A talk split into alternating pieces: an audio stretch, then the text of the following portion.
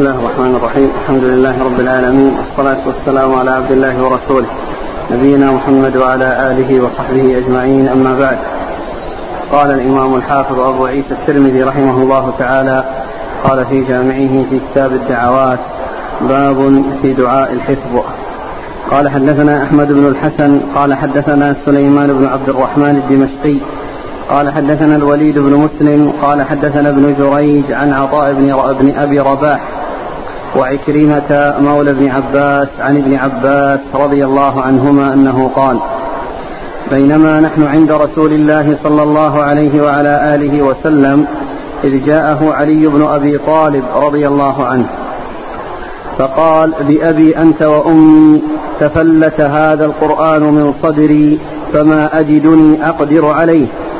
فقال رسول الله صلى الله عليه وعلى آله وسلم يا أبا الحسن أفلا أعلمك كلمات ينفعك الله بهن وينفع بهن من علمته؟ ويثبت ويثبت ما تعلمت في صدرك. قال أجل يا رسول الله فعلمني.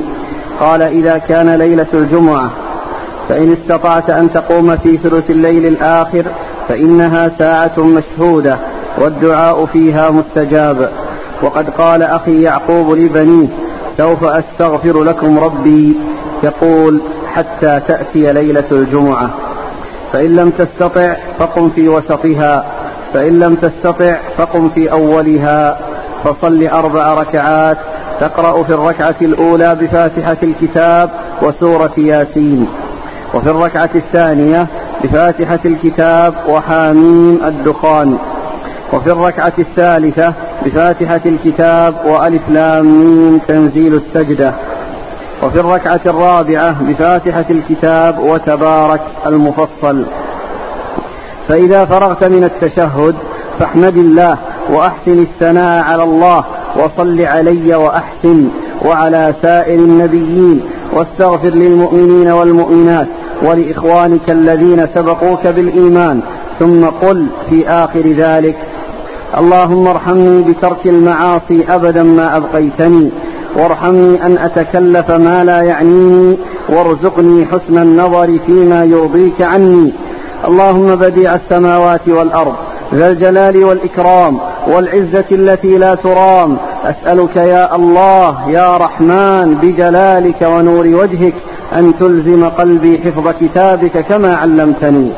وارزقني أن أتلوه على النحو الذي يرضيك عني.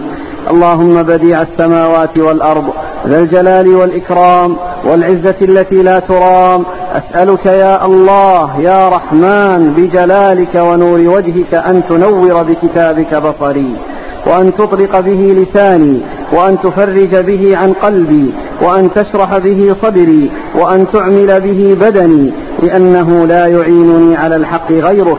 ولا يؤتيه إلا أنت ولا حول ولا قوة إلا بالله العلي العظيم. يا أبا الحسن فافعل ذلك ثلاث جمع أو خمس أو سبع يجاب بإذن الله.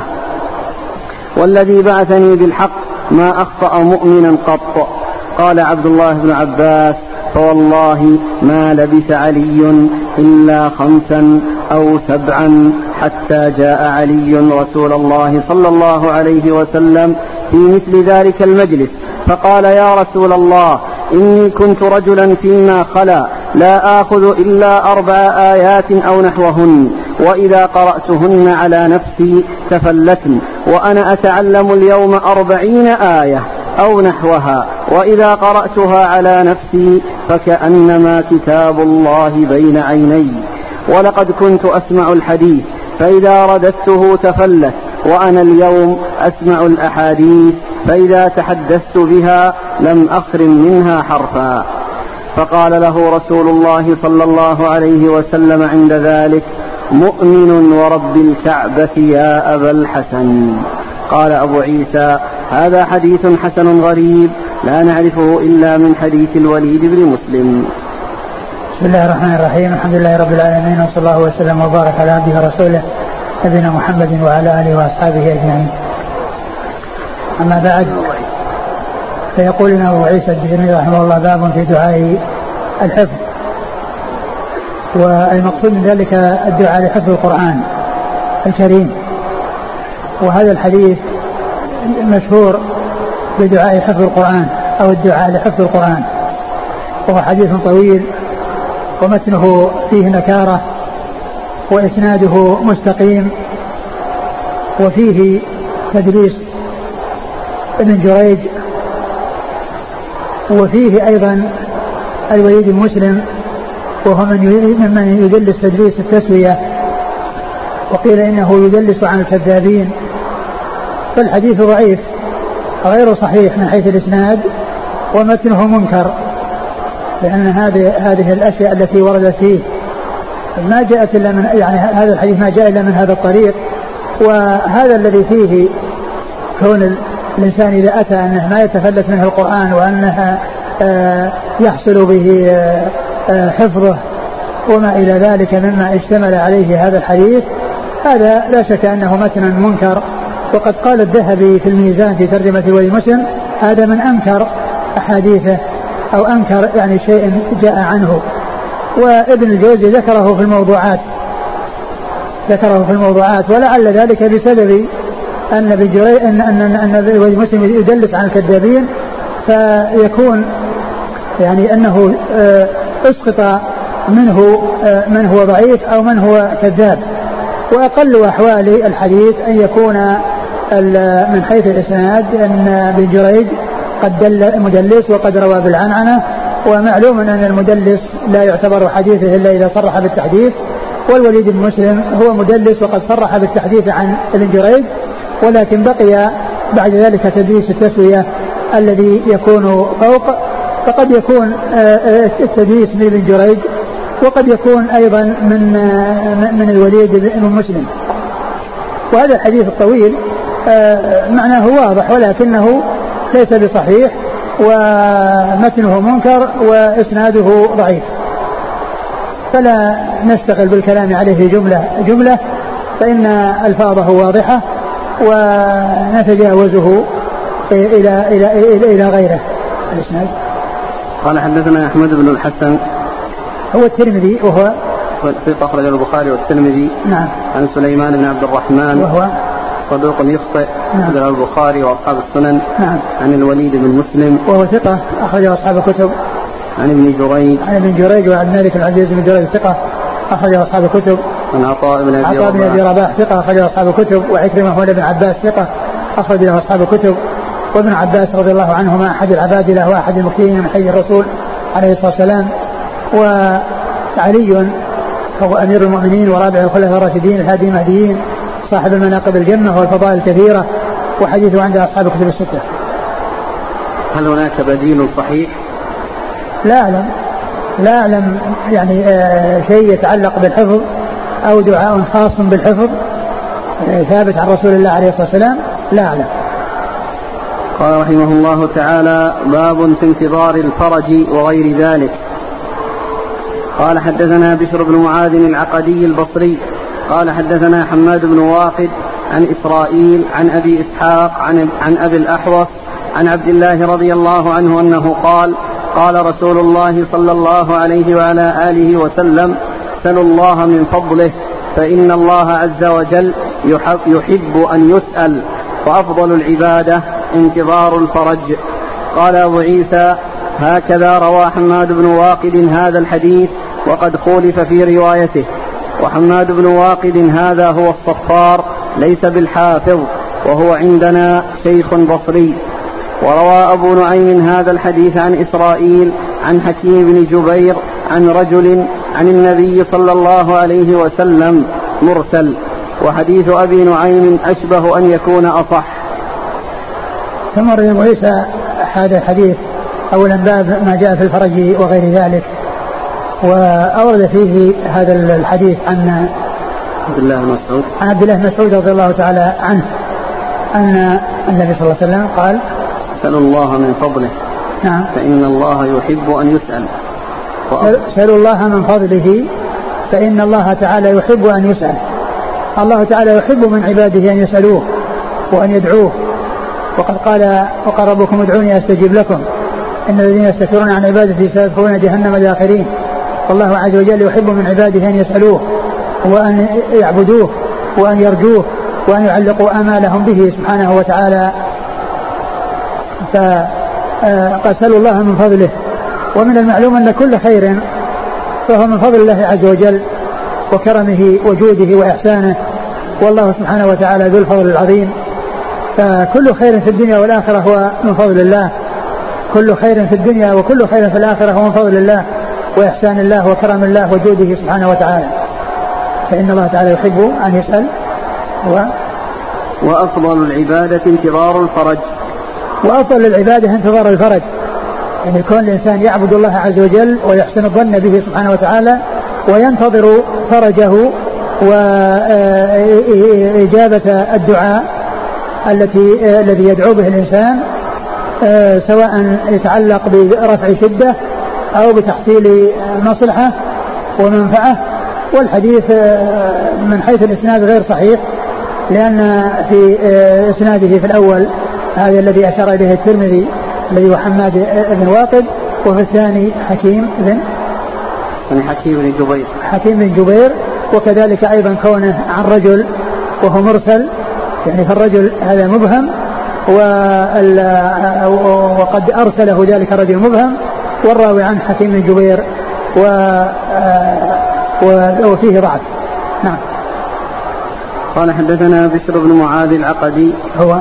صدوق قدر الترمذي والنسائي وابن ماجه. نعم. عن حماد بن واقد وهو. ضعيف نعم. الترمذي. نعم. عن إسرائيل. وهو ثقة أخرج أصحاب الكتب. عن أبي إسحاق. عمرو بن عبد الله الهمداني السبيعي ثقة أخرج أصحاب الكتب. عن أبي الأحوص. وهو وهو عوف بن مالك. عوف بن مالك الجسمي الجسمي وهو ثقة أخرج له. البخاري في المفرد ومسلم وأصحاب السنن. نعم. عن عبد الله. عبد الله بن مسعود الهذلي رضي الله عنه أخرجه أصحاب الكتب. وروى أبو نعيم. أبو نعيم الفضل بن دكين ثقة أخرج أصحاب الكتب. عن إسرائيل عن حكيم بن جبير. وهو ضعيف. وجله أصحاب السنن. نعم. عن رجل عن النبي صلى الله عليه وسلم مرسل. هو الرجل مبهم. وقوله مرسل يعني معناه أن هذا الرجل ليس بصحابي. نعم. قال حدثنا أحمد بن منيع قال حدثنا أبو معاوية قال حدثنا عاصم الأحول عن أبي عثمان عن زيد بن أرقم رضي الله عنه أنه قال كان النبي صلى الله عليه وعلى آله وسلم يقول اللهم إني أعوذ بك من الكسل والعجز والبخل. وبهذا الإسناد عن النبي صلى الله عليه وعلى آله وسلم أنه كان يتعوذ من الهرم وعذاب القبر. قال هذا حديث حسن صحيح. ثم ذهب هذا الحديث عن زيد بن أرقم رضي الله عنه أن النبي صلى الله عليه وسلم كان يتعوذ من الكسل والجبن والعجز والبخل والعجز والجبن العجز والكسل. من الكسل والعجز والبخل. نعم من من من الكسل والعجز والبخل.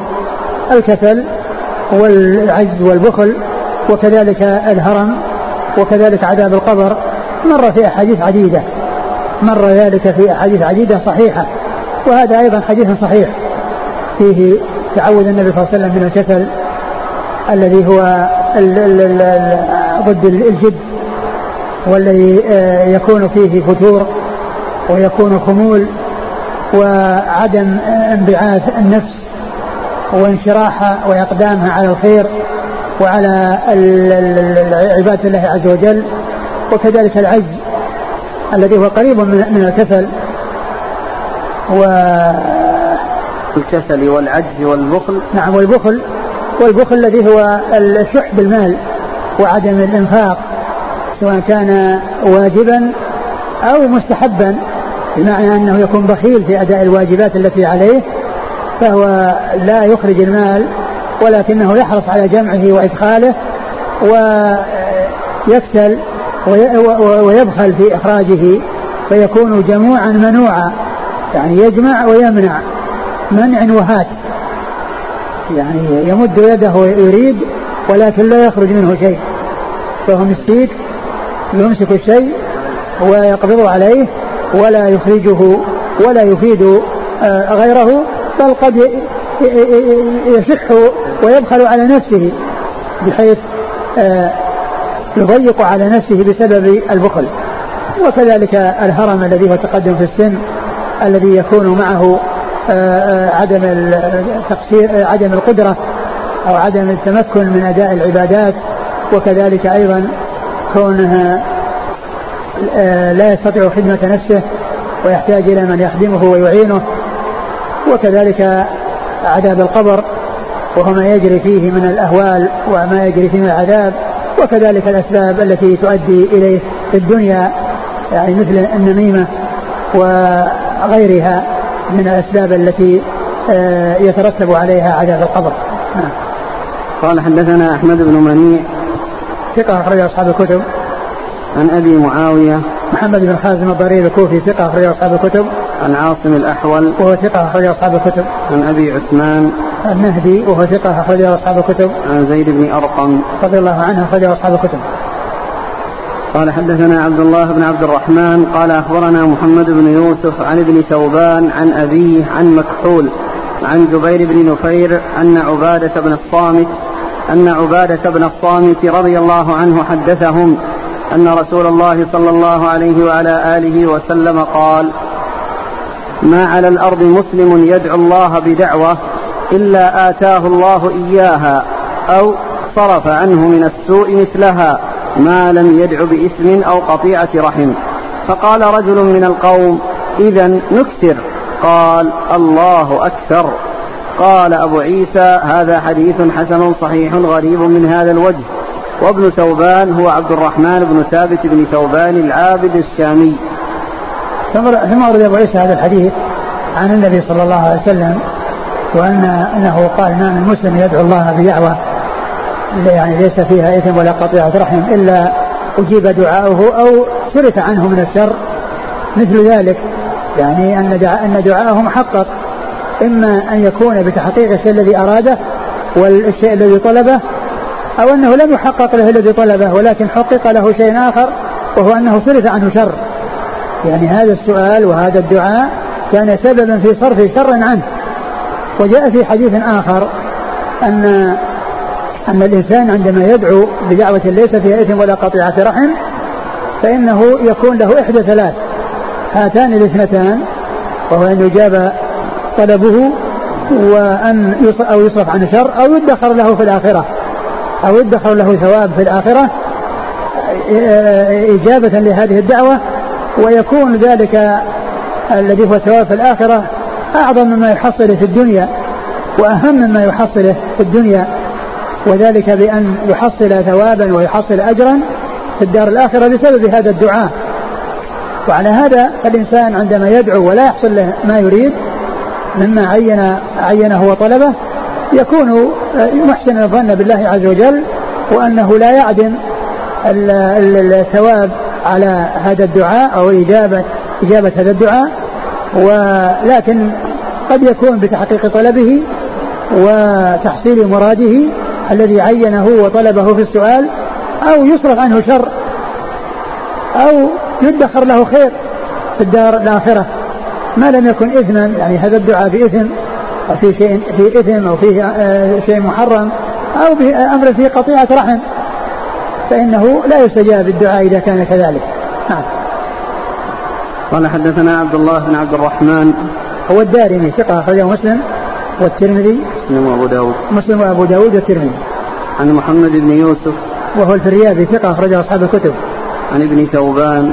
وهو عبد الرحمن بن ثابت بن ثوبان وهو صدوق يخطئ.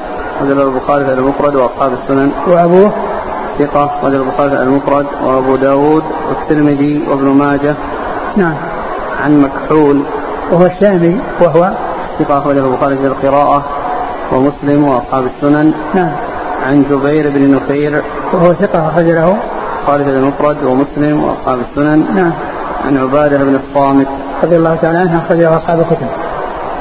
قال رحمه الله تعالى باب قال حدثنا سفيان بن وكيع قال حدثنا جرير عن منصور عن سعد بن عبيدة قال حدثني البراء رضي الله عنه أن رسول الله صلى الله عليه وعلى آله وسلم قال إذا أخذت مضجعك فتوضأ وضوءك للصلاة ثم اضطجع على شقك الأيمن ثم قل اللهم أسلمت وجهي إليك وفوضت أمري إليك وألجأت ظهري إليك رغبة ورهبة ورغبة إليك. لا ملجأ ولا منجأ منك إلا إليك. آمنت بكتابك الذي أنزلت وبنبيك الذي أرسلت. فإن مت في ليلتك مت على الفطرة. قال فرددتهن لأستذكر لأستذكره. فقلت آمنت برسولك الذي أرسلت. فقال قل آمنت بنبيك الذي أرسلت. قال وهذا حديث حسن صحيح. وقد روي من غير وجه عن البراء ولا نعلم في شيء من الروايات ذكر الوضوء إلا في هذا الحديث. ثم وليس هذا الحديث عن البراء بن عازب رضي الله عنهما وهو يتعلق بالدعاء عند النوم. وقد مر الحديث وقد مر هذا الحديث وفي إسناده سفيان بن وكيع لكنه ثابت يعني في الصحيحين. وقد مر الحديث فيما مضى نعم. قال حدثنا سفيان بن وكيع هو آه، صدوق ابتلي بوراق وادخل ما ليس من حديثه فنصح ولم يقبل فترك حديثه واخذ حديثه. الترمذي وابن ماجه. نعم. عن جرير. جرير بن عبد الحميد الضبي الكوفي ثقة أخرج أصحاب الكتب. عن منصور. نعم. وهو ابن المعتمر ثقة أخرج أصحاب الكتب. عن سعد بن عبيدة. وهو ثقة أخرج أصحاب الكتب. عن البراء. البراء بن عازب رضي الله عنه ما أخرج أصحاب الكتب. قال حدثنا عبد بن حميد قال حدثنا محمد بن إسماعيل محمد بن إسماعيل بن أبي فديك قال حدثنا ابن أبي ذئب عن أبي سعيد البراد عن معاذ بن عبد الله بن خبيب عن أبيه رضي الله عنه أنه قال خرجنا في ليلة مطيرة وظلمة شديدة نطلب رسول الله صلى الله عليه وسلم يصلي لنا قال فأدركته فقال قل فلم أقل شيئا. ثم قال قل فلم أقل شيئا. قال قل قلت ما أقول؟ قال قل هو الله أحد والمعوذتين حين تمسي وتصبح ثلاث مرات تكفيك من كل شيء. قال أبو عيسى وهذا حديث حسن صحيح غريب من هذا الوجه. وأبو سعيد البراد هو أسيد بن أبي أسيد مدني ثم أورد أبو عيسى هذا الحديث آه وهو يتعلق بدعاء الصباح والمساء وفيه قراءة قل هو الله أحد والمعوذتين آه ثلاث مرات وسبق أن مر هذا الحديث فيما مضى. نعم. قال حدثنا عبد بن حميد. هو ثقة أخرج له. قال تعليقا ومسلم والترمذي. نعم. عن محمد بن إسماعيل بن أبي فديك. وهو صدوق. وله أصحاب الكتب. نعم. عن ابن أبي ذئب. وهو محمد بن إبراهيم. محمد بن عبد محمد بن عبد الرحمن بن, بن إبراهيم بن أبي ذئب ثقة أخرج أصحاب الكتب. محمد بن عبد الرحمن بن المغيرة. بن المغيرة محمد بن إبراهيم بن المغيرة. ثقة أخرج أصحاب الكتب الستة. عن أبي سعيد البراد. وهو؟ صدوق أخرج البخاري المفرد وأصحاب السنن. نعم. عن معاذ بن عبد الله بن خبيب وهو؟ صدوق ربما وهم. أخرج له البخاري في المفرد وأصحاب السنن. نعم. عن أبيه.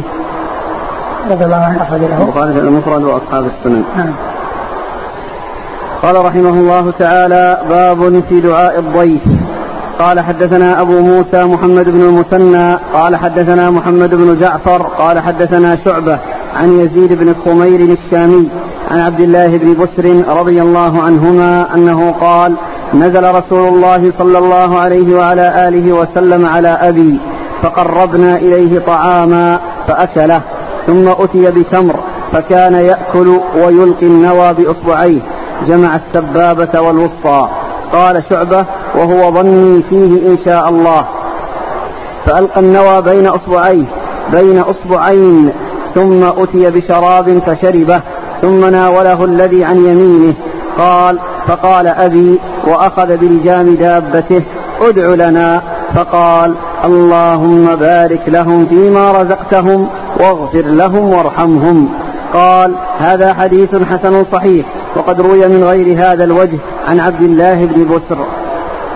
ثم روي أبو عيسى هذا الحديث عن عبد الله بن بسر رضي الله عنهما وهو يتعلق بدعاء الضيف للمضيف للذي أكرم يدعو لمن أكرمه وذلك بأن يقول اللهم بارك لهم فيما رزقتهم واغفر لهم وارحمهم. اللهم بارك لهم فيما رزقتهم واغفر لهم وارحمهم. فيكون في ذلك جمعا بين البركة الدعاء بالبركة في الرزق وبالطعام وهذا الذي قدم آه، لهم من الطعام يدعى لهم بالبركة بأن يبارك الله عز وجل في رزقهم وأن يغفر لهم ويرحمهم. فيكون في ذلك دعاء لتحصيل خير الدنيا وخير الآخرة. يبارك في الطعام وتحصل لهم المغفرة. والرحمة من الله عز وجل لكونهم ضيفوه وكونهم قدموا له طعاما استفاد منه فيكافئهم ويدعو لهم بهذا الدعاء الذي جاء عن رسول الله عليه الصلاة والسلام. لا المتن. عن عبد الله بن بسر قال نزل رسول الله صلى الله عليه وسلم على أبي فقربنا إليه طعاما فأكله ثم أتي بتمر فكان يأكل ويلقي النوى بأصبعيه جمع السبابة والوسطى. قال شعبة وهو ظني فيه إن شاء الله. فألقى النوى بين أصبعين ثم أتي بشراب فشربه ثم ناوله الذي عن يمينه. قال فقال أبي وأخذ بلجام دابته ادع لنا. فقال اللهم بارك لهم فيما رزقتهم واغفر لهم وارحمهم. الرسول صلى الله عليه وسلم أكل طعاما ثم أكل تمرا بعد ذلك وكان يلقي النوى بين أصبعين وأن الغالب أن المقصود بها السبابة والتي تليها هي الوسطى. و وأن وبعد ذلك شرب طعاما آه، شرابا وناوله الذي على يمينه. وبعد ذلك قال له قال له آه، بسر. والد عبد الله بسر ادعو لنا. فقال اللهم آه، بارك لهم فيما رزقتهم واغفر لهم وارحمهم. فهذا يدل على أن هذا الدعاء يدعى به للمضيف يدعو به الضيف للمضيف والذي أكرم يدعو به لمن أكرمه. نعم. صفة ثم أتي بتمر فكان يأكل ويلقي النوى بإصبعيه. نعم يعني كان جمع. يعني جمع الإصبع والسبابة والوسطى يعني بينهما. من ظاهرهما وليس من الباطن. نعم. تلقيه من الظاهر وليس من الظاهر ما عندنا يعني هل من الظاهر ولا من الداخل المهم إنه بين أصبعين. وقال في أصبعين وقال يعني ظني إنها يعني السبابه والوسطى نعم قال شعبة وهو ظني فيه إن شاء الله. يعني كان يقصد الوسطى والسبابة. لأنه قال أصبعين. والظن أو يعني ظنه أنها هاتين الأصبعين تعيينهما. السبابة والوسطى هنا في الشرح يقول كلام النووي قال ويلقي النوى بين أصبعيه أي يجعله بينهما لقلته ولم يلقه في إناء التمر لئلا يختلط بالتمر. وقيل كان يجمعه على ظهر الأصبعين ثم يرمي به. قضية أن يكونه يجمعه يعني النوى على ظهر الأصبعين يعني ما ما هو واضح لكن كونه يعني يلقيه يعني ولا يكون مع التمر نعم التمر لا يعني لا يضاف إليه. النوى الذي آه أخرج من الفم بحيث يكون مع التمر هذا من الآداب يعني بحيث يكون التمر الذي يؤكل آه باق على ما هو عليه والنواة يعني يرمى أو يوضع في المكان المخصص له إذا كان خصص له إناء يوضع فيه فإنه يوضع فيه ولكنه ما يوضع مع التمر لا يوضع مع التمر فإن يعني من الآداب التي آه، تجعل الناس لا يعني يكرهون آه، أكل بعضهم بعض لكون التمر على حدة والنوى على حدة. وكل إنسان يظهر من فمه ثم يضعه مع التمر هذا ليس بجيد. نعم. هنا يا شيخ يقول وفي رواية لأحمد فكان يأكل التمر ويضع النوى على ظهر إصبعيه. فهذه الرواية تؤيد ما قيل كان يجمعه على ظهر الإصبعين ثم يرمي به. بس يكون يجمع نواة ثم نواة ثم نواة يعني ما ما يستقر على على الاصابع يعني. وإنما يعني كونه يعني واحدة أو هذه يضعها ثم يرمي بها لكن كونه يجمع النوى بين الأصبعين هذا ما هو واضح. يعني عدد من النوى. يعني حتى يتجمع ويرمي به يعني يرمي بنواة واحدة. فلما خلص نواة لأنه يأكل تمرة ويظهر منها نواة فيرمي بها ثم يأكل تمرة ثم يرمي بنواتها. ما هو أن وكله يجمع على على ظهر يده ثم يرمي به. والأنسب يكون اليسار أو اليمين كله سواء. والله اللي كما هو معلوم الإنسان يأكل بيمينه. أقول يأكل بيمينه ويخرج النواة بنفس اليمين. قال حدثنا أبو موسى محمد بن المثنى أبو موسى هو لقى كنية لمحمد المثنى العنزي الزمن وهو ثقة أخرجه أصحاب الكتب الستة. عن محمد بن جعفر الملقب غندر ثقة أخرجه أصحاب الكتب الستة. عن شعبة شعبة الحجاج الواسطي ثقة أخرجه أصحاب الكتب الستة. عن يزيد بن خمير وهو صدوق وينقل المفرد ومسلم وأصحاب السنن. نعم. عن عبد الله بن بسر عبد الله بن بسر رضي الله عنهما أخرج له أصحاب الكتب. نعم. قال حدثنا محمد بن إسماعيل قال حدثنا موسى بن إسماعيل قال حدثنا حفص بن عمر الشني قال حدثنا أبي قال حدثنا أبي عمر بن مرة قال سمعت بلال بن يسار بن زيد مولى النبي صلى الله عليه وسلم قال حدثني أبي عن جدي رضي الله عنه أنه سمع النبي صلى الله عليه وسلم يقول من قال أستغفر الله العظيم الذي لا إله إلا هو الحي القيوم وأتوب إليه. غفر له وإن كان فر من الزحف. قال أبو عيسى هذا حديث غريب لا نعرفه إلا من هذا الوجه. ثم أبو عيسى هذا الحديث آه، عن النبي صلى الله عليه وسلم أنه قال أن قال آه، آه، أستغفر الله أستغفر الله العظيم الحي القيوم الذي لا إله إلا هو. أستغفر الله العظيم. آه. الذي لا إله إلا هو الحي القيوم. أستغفر الله العظيم الذي لا إله إلا هو الحي القيوم وأتوب إليه. آه غفرت ذنوبه وإن فر من الزحف. ثلاثا ثلاثا. نعم. نعم. هذه جاءت في حديث آخر. حديث آخر غير هذا. آه غفرت ذنوبه وإن كان فر من الزحف. يعني ومعنى ذلك أنه إذا قالها مستغفرا وتائبا إلى الله عز وجل فإن التوبة تجب ما قبلها ويدخل في ذلك الفرار من الزحف. إذا كان قد فر من الزحف أو عمل أي ذنب من الذنوب. وأما كونه يقولها بلسانه وهو غير تائب وليس متفقا آه، مع ما في لسانه مع في قلبه وإنما تجري على لسانه فإن ذلك لا يفيد شيئا ولا يجدي شيئا حتى يتطابق اللسان والقلب ويتفقان على ذلك. وعند ذلك تكون التوبة آه، صحيحة. وتجب ما قبلها من الذنوب لأن كل ذنب يتوب الإنسان منه فإن الله سبحانه وتعالى يتوب على من تاب. آه، والحديث في إسناده يعني بعض الكلام ولكنه له شواهد. آه، ومنها حديث عن ابن مسعود فيه أنه آه، يقول ذلك ثلاثا. نعم. قال حدثنا محمد بن إسماعيل هو؟ البخاري. وعن عن موسى بن موسى بن إسماعيل. التبوذكي ثقة أخرج أصحاب الكتب. عن حفص بن عمر الشني وهو؟ مقبول أخرج أبو داود الترمذي. نعم وأبو عن أبيه مقبول أخرج أبو داود الترمذي. نعم. عن بلال بن يسار بن زيد. وهو؟ مقبول أخرج أبو داود الترمذي. نعم. عن أبيه.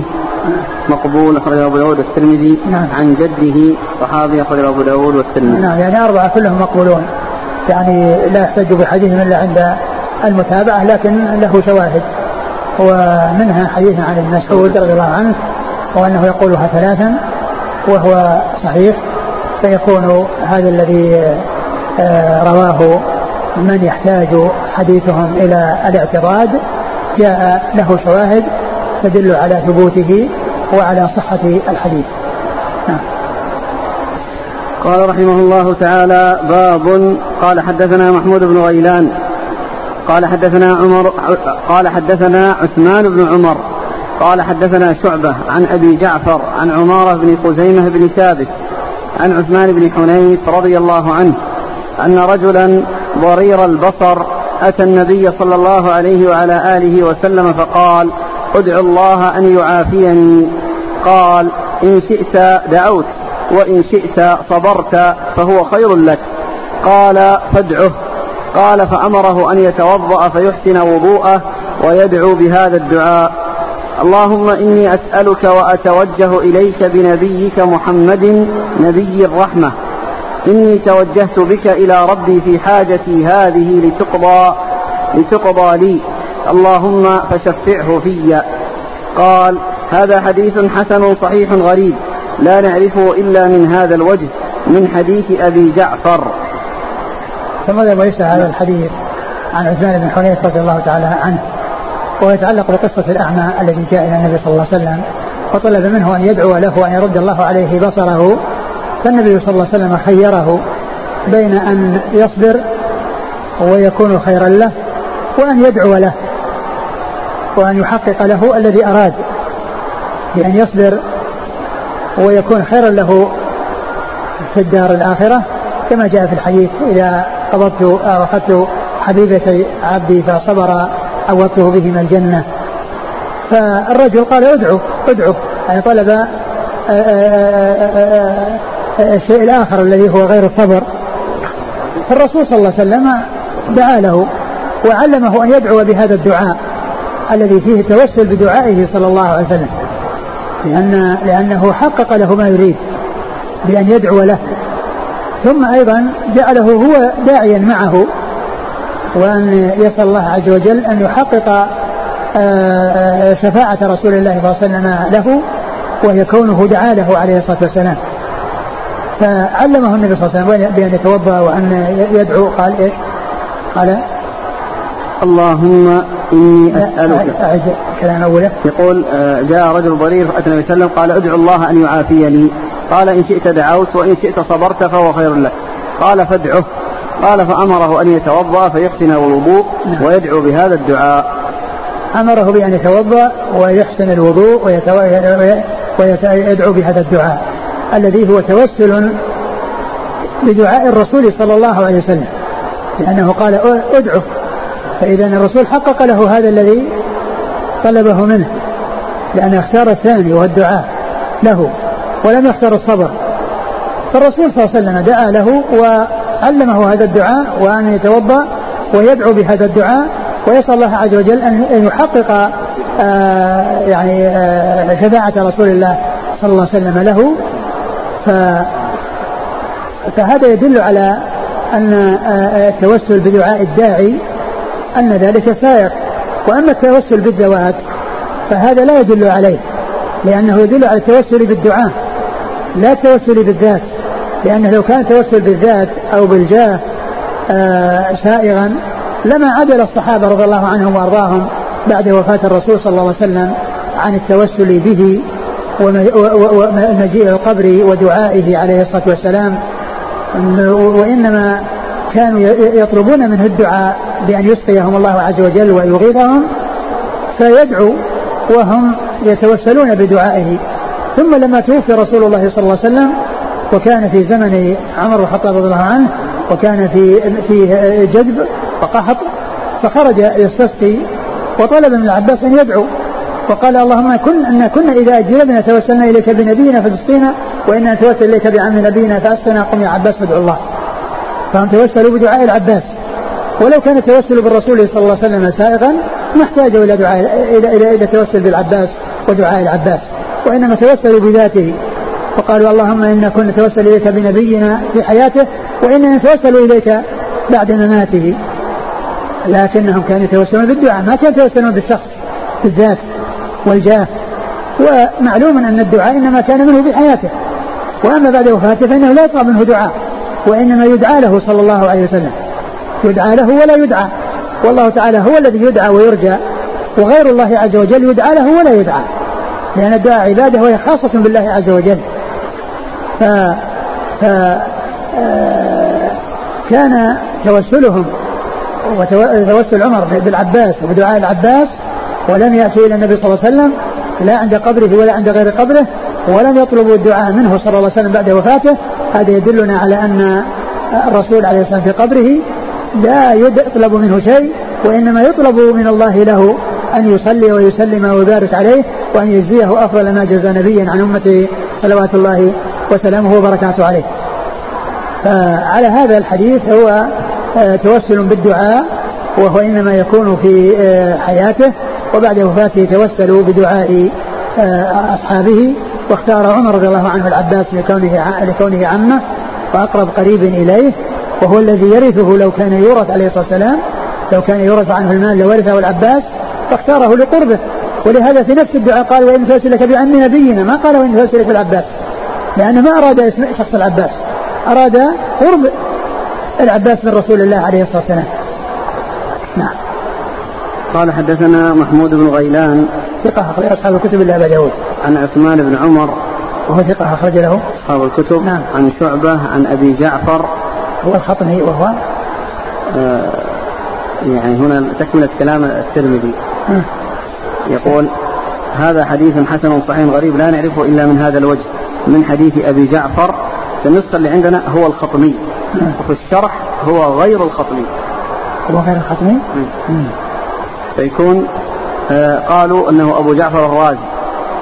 فيكون صدوق سيء الحفظ. أما أبو جعفر الخطمي عمير بن يزيد صدوق أخرج له أصحاب السنة. إيه. نعم. عن عمارة بن خزيمة بن ثابت. وهو؟ ثقة أخرج له أصحاب أصحاب السنن. عن عثمان بن حنيف.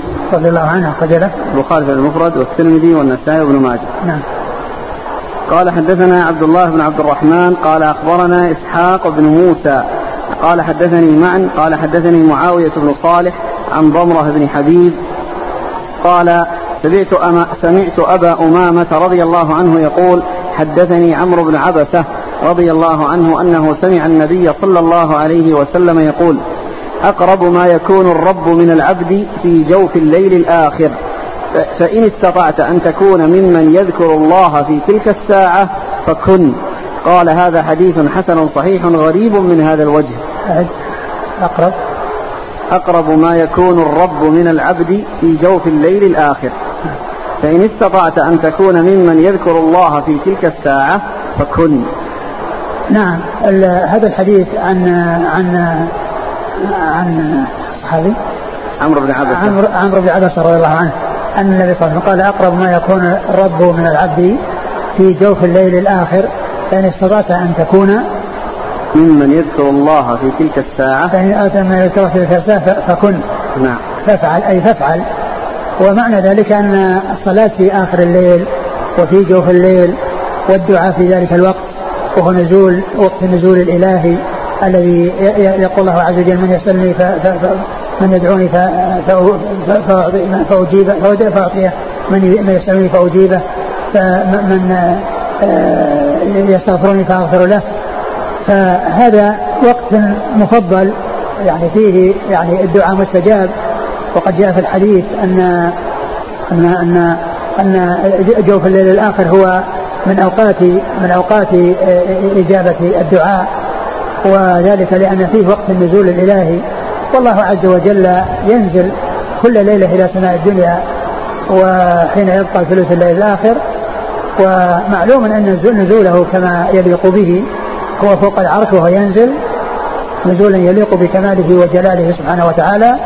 وفيه مناجاة العبد ربه في ذلك الوقت حيث يكون خاليا بالله عز وجل ليس معه ليس هناك آه، مجال للرياء وملاحظة الناس وإنما حيث يكون الناس قد ناموا فإنه يصلي ويسأل الله عز وجل.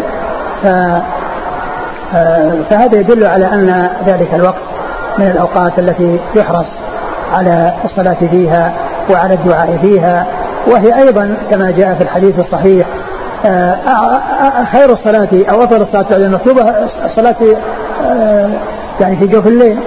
يعني هذه أفضل الصلاة بعد المكتوبة وأفضل الصيام بعد رمضان شهر الله صيام شهر الله المحرم. نعم. قال حدثنا عبد الله بن عبد الرحمن. هو الدارمي ثقة أخرجه مسلم. وأبو داود والترمذي. نعم. عن إسحاق بن موسى. إسحاق بن موسى هو ثقة أخرجه. مسلم والترمذي والنسائي بن ماجه. نعم. عن معن.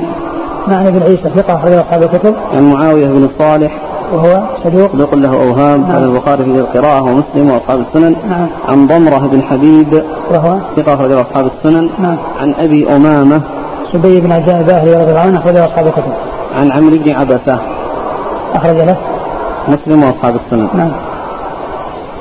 قال حدثنا أبو الوليد الدمشقي قال قال حدثنا أبو الوليد الدمشقي أحمد بن عبد الرحمن بن بكار. قال حدثنا الوليد بن مسلم قال حدثنا عفير بن معدان أنه سمع أبا دوس اليحصبي يحدث عن ابن عائد اليحصبي عن عمارة بن زعكرة رضي الله عنه أنه قال سمعت رسول الله صلى الله عليه وعلى آله وسلم يقول إن الله عز وجل يقول إن عبدي كل عبدي يذكرني وهو ملاق قرنه يعني عند القتال. قال هذا حديث غريب لا نعرفه إلا من هذا الوجه ليس إسناده بالقوي. ولا نعرف لعمارة بن زعكرة عن النبي صلى الله عليه وسلم إلا هذا الحديث الواحد. ومعنى قوله وهو ملاق قرنه إنما يعني عند القتال يعني أن يذكر الله في تلك الساعة. ثم روى عيسى هذا الحديث أن قال أن أن عبدي عبدي إن عبدي كل عبدي. إن عبدي كل عبدي يعني العبد الذي هو آه، من خلة عبادي والذي يذكرني عندما يلاقي قرنه يعني في الوغى وعندما يكون في شدة الوغى وشدة القتال لا يكون متعلقا بالله عز وجل وذاكرا لله سبحانه وتعالى. يعني في هذه الحالة التي فيها شدة وفيها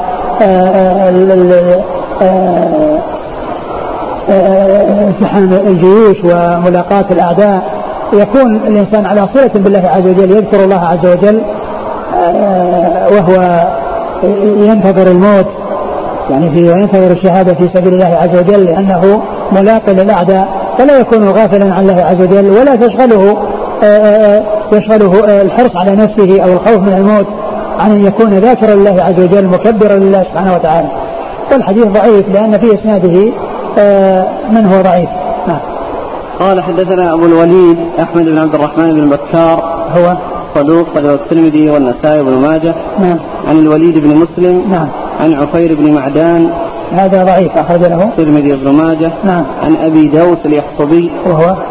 مقبول أخرجه الترمذي. نعم. عن ابن عائد اليحصبي. وهو مقبول. ثقة. ثقة أخرجه أصحاب السنن نعم.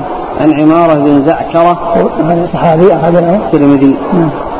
قال رحمه الله تعالى باب في فضل لا حول ولا قوة إلا بالله. والله تعالى أعلم وصلى الله وسلم وبارك على عبده ورسوله نبينا محمد وعلى آله وأصحابه أجمعين.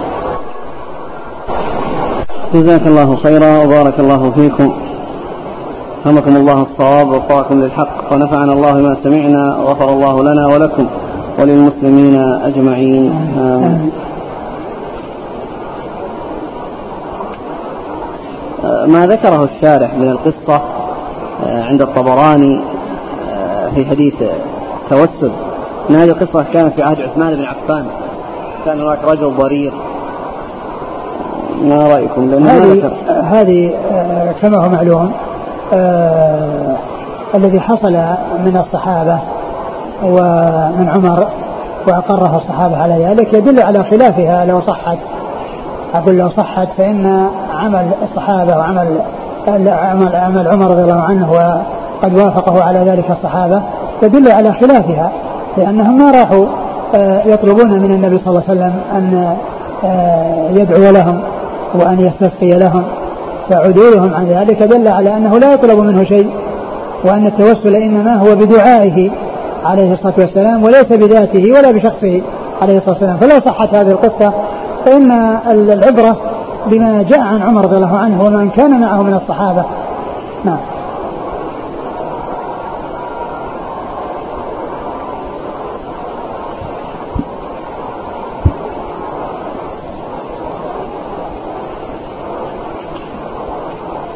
آه، لما تحدثتم عن الحديث الأول والتدليس جاء عدد من الأسئلة في آه، بعض الإخوة يستغرب يقول كيف يكون ثقة ومدلس هذا يقول هل يأثم من يدلس عمدا؟ وإذا كان كذلك فلماذا إذا آه، المحدثون يدلسون؟ هذا شيء معروف. الثقات من أوثق الناس ومع ذلك يدلسون والتدليس له أسباب. يعني أقول له أسباب. يعني كون الشخص الذي يعني يروي عنه يعني لا يريد ذكره ف يعني يضيف ذلك إلى من فوقه بلفظ عن أو بلفظ قال. والتدليس ليس من الضعفاء لأن الضعيف نفسه يدلس ولا ما يدلس؟ يعني أمره منتهي بكونه ضعيفا وإنما الكلام في تدليس الثقة. وأما من كان ضعيفا دلس أو ما دلس هو ضعيف لا يحتج به سواء صرح بالتحديث أو أو أتى بالعنعنة. وإنما الكلام هو تدليس الثقات. هذا هو الذي فيه المحذور. ولا وكون الثقة يدلس هذا هو هذا هو الواقع. وهذا كثير من من من المدلسين ثقات. نعم.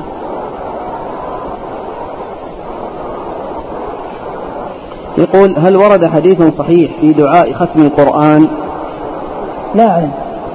لا أعلم دليلا يعني في دعاء ختم القرآن.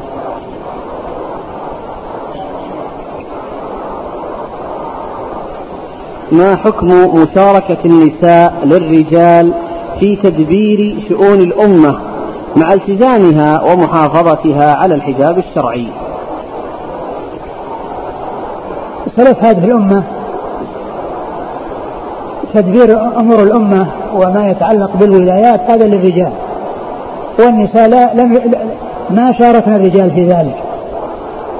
والنساء شأنهن وقرار البيوت كما قال الله عز وجل وقرنا في بيوتكن ولا تبرجن تبرج الجاهلية الأولى. وأبو بكر رضي الله عنه خليفة رسول الله صلى الله عليه وسلم الذي بايعه رجال وسقيفة بني ساعدة ما دخلها امرأة واحدة. والمسجد عندما بويع فيه بكر ما ذكر فيه نساء وإنما المبايعة من الرجال أنفسهم. وأما النساء ما حصل يعني آه، ما ظهرت فتنتهن إلا في هذا الزمان. عندما تمردنا على الكفار والكفار سووا بين الرجال والنساء أو فضلوا النساء على الرجال قلدهم بعض المسلمين في هذا الزمان. يقول ما معنى الله أكثر في الحديث؟ يعني الله أكثر الإجابة لأنه قال إذا نكثر من من الدعاء فإذا الله أكثر يعني في الإجابة. هل المعاصي من أسباب الكسل والوهن الذي يعجز العبد عن الطاعات؟ لا شك. يعني من كسل كون الإنسان يكسل عن الطاعات وقد يكون آه، فيما يتعلق بالفرائض لا شك أن هذا من هو نفس ذنب والانسان يكسل عن عن عن الواجبات مثل صلاة الجماعة الإنسان يكسل فيها لا يصلي ويكون كسول يعني لا يحضر الجماعة. أو لا يذهب الجماعة. لا شك أن هذا ذنب نفسه ذنب. والذنب يجر إلى ذنوب. لأن من الثواب على الحسنة الحسنة بعدها ومن العقوبة على السيئة السيئة بعدها. والله تعالى يقول فلما زاغوا أزاغ الله قلوبهم. فالزيغ يترتب عليه الإزاغة.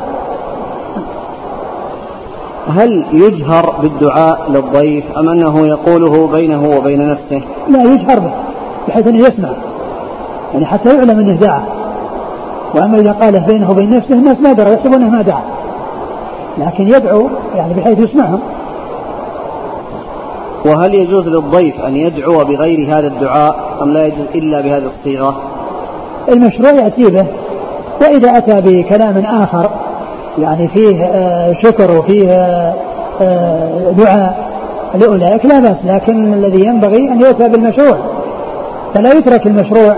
ويؤتى بغيره لكن إذا أتى بالمشروع وأتى بغيره لا بأس بذلك.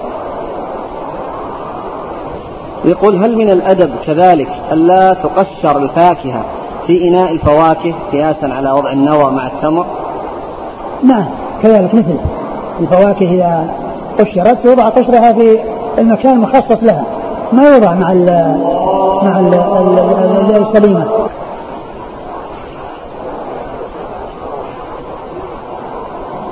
نعم يقول سمعنا أن دعاء الإمام في الخطبة خطبة الجمعة ليس من السنة. هل هذا صحيح؟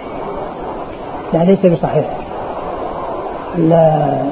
الإمام يذكر الناس ويدعو المسلمين وهم يؤمنون على على دعائه وما هناك شيء يدل على منعه والدعاء مطلوب في الخطبة وفي غير الخطبة. وقد جاء في عن بعض السلف أنه إذا خطب يعني خطبة يعني خاصة أو موعظة فإنه يختمها بقوله أستغفر الله لي ولكم. كما جاء في صحيح البخاري في آخر كتاب كتاب الإيمان في قضية النصيحة وأنه لما توفي المغيرة بن شعبة أمير الكوفة وكان جرير بن عبد الله البجلي قام وخطب الناس وقال أيها الناس أنتظروا حتى يأتيكم أمير. يعني لأنه ما مات أميرهم ولم يأتي آه، تعيينا من آه، الوالي من يقوم مقامه. قال انتظروا وقال إنه كان يحب العفو فادعوا له. ثم قال إني والله ناصح لكم وأستغفر الله لي ولكم ثم نزل. نعم.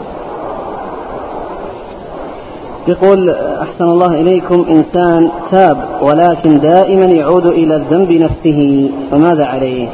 عليه أن يكون شجاع على نفسه وأمام الشيطان ما يكون مستسلم ضعيف النفس يقع فريسة للشيطان ويأتي بما تريده النفس الأمارة بالسوء فيكون عنده شجاعة عنده قوة وأن يكون صادق في توبته وذلك بالبعد عن كل شيء يجعله يرجع إلى ما تاب منه وذلك بأن يحرص على مصاحبة الأخيار والبعد عن جلساء السوء وأن يشتغل بما هو خير وأن يبتعد عن كل ما هو شر والمهم في الأمر أن يكون عنده شجاعة وعنده قوة تقاوم النفس الأمارة بالسوء والشيطان الذي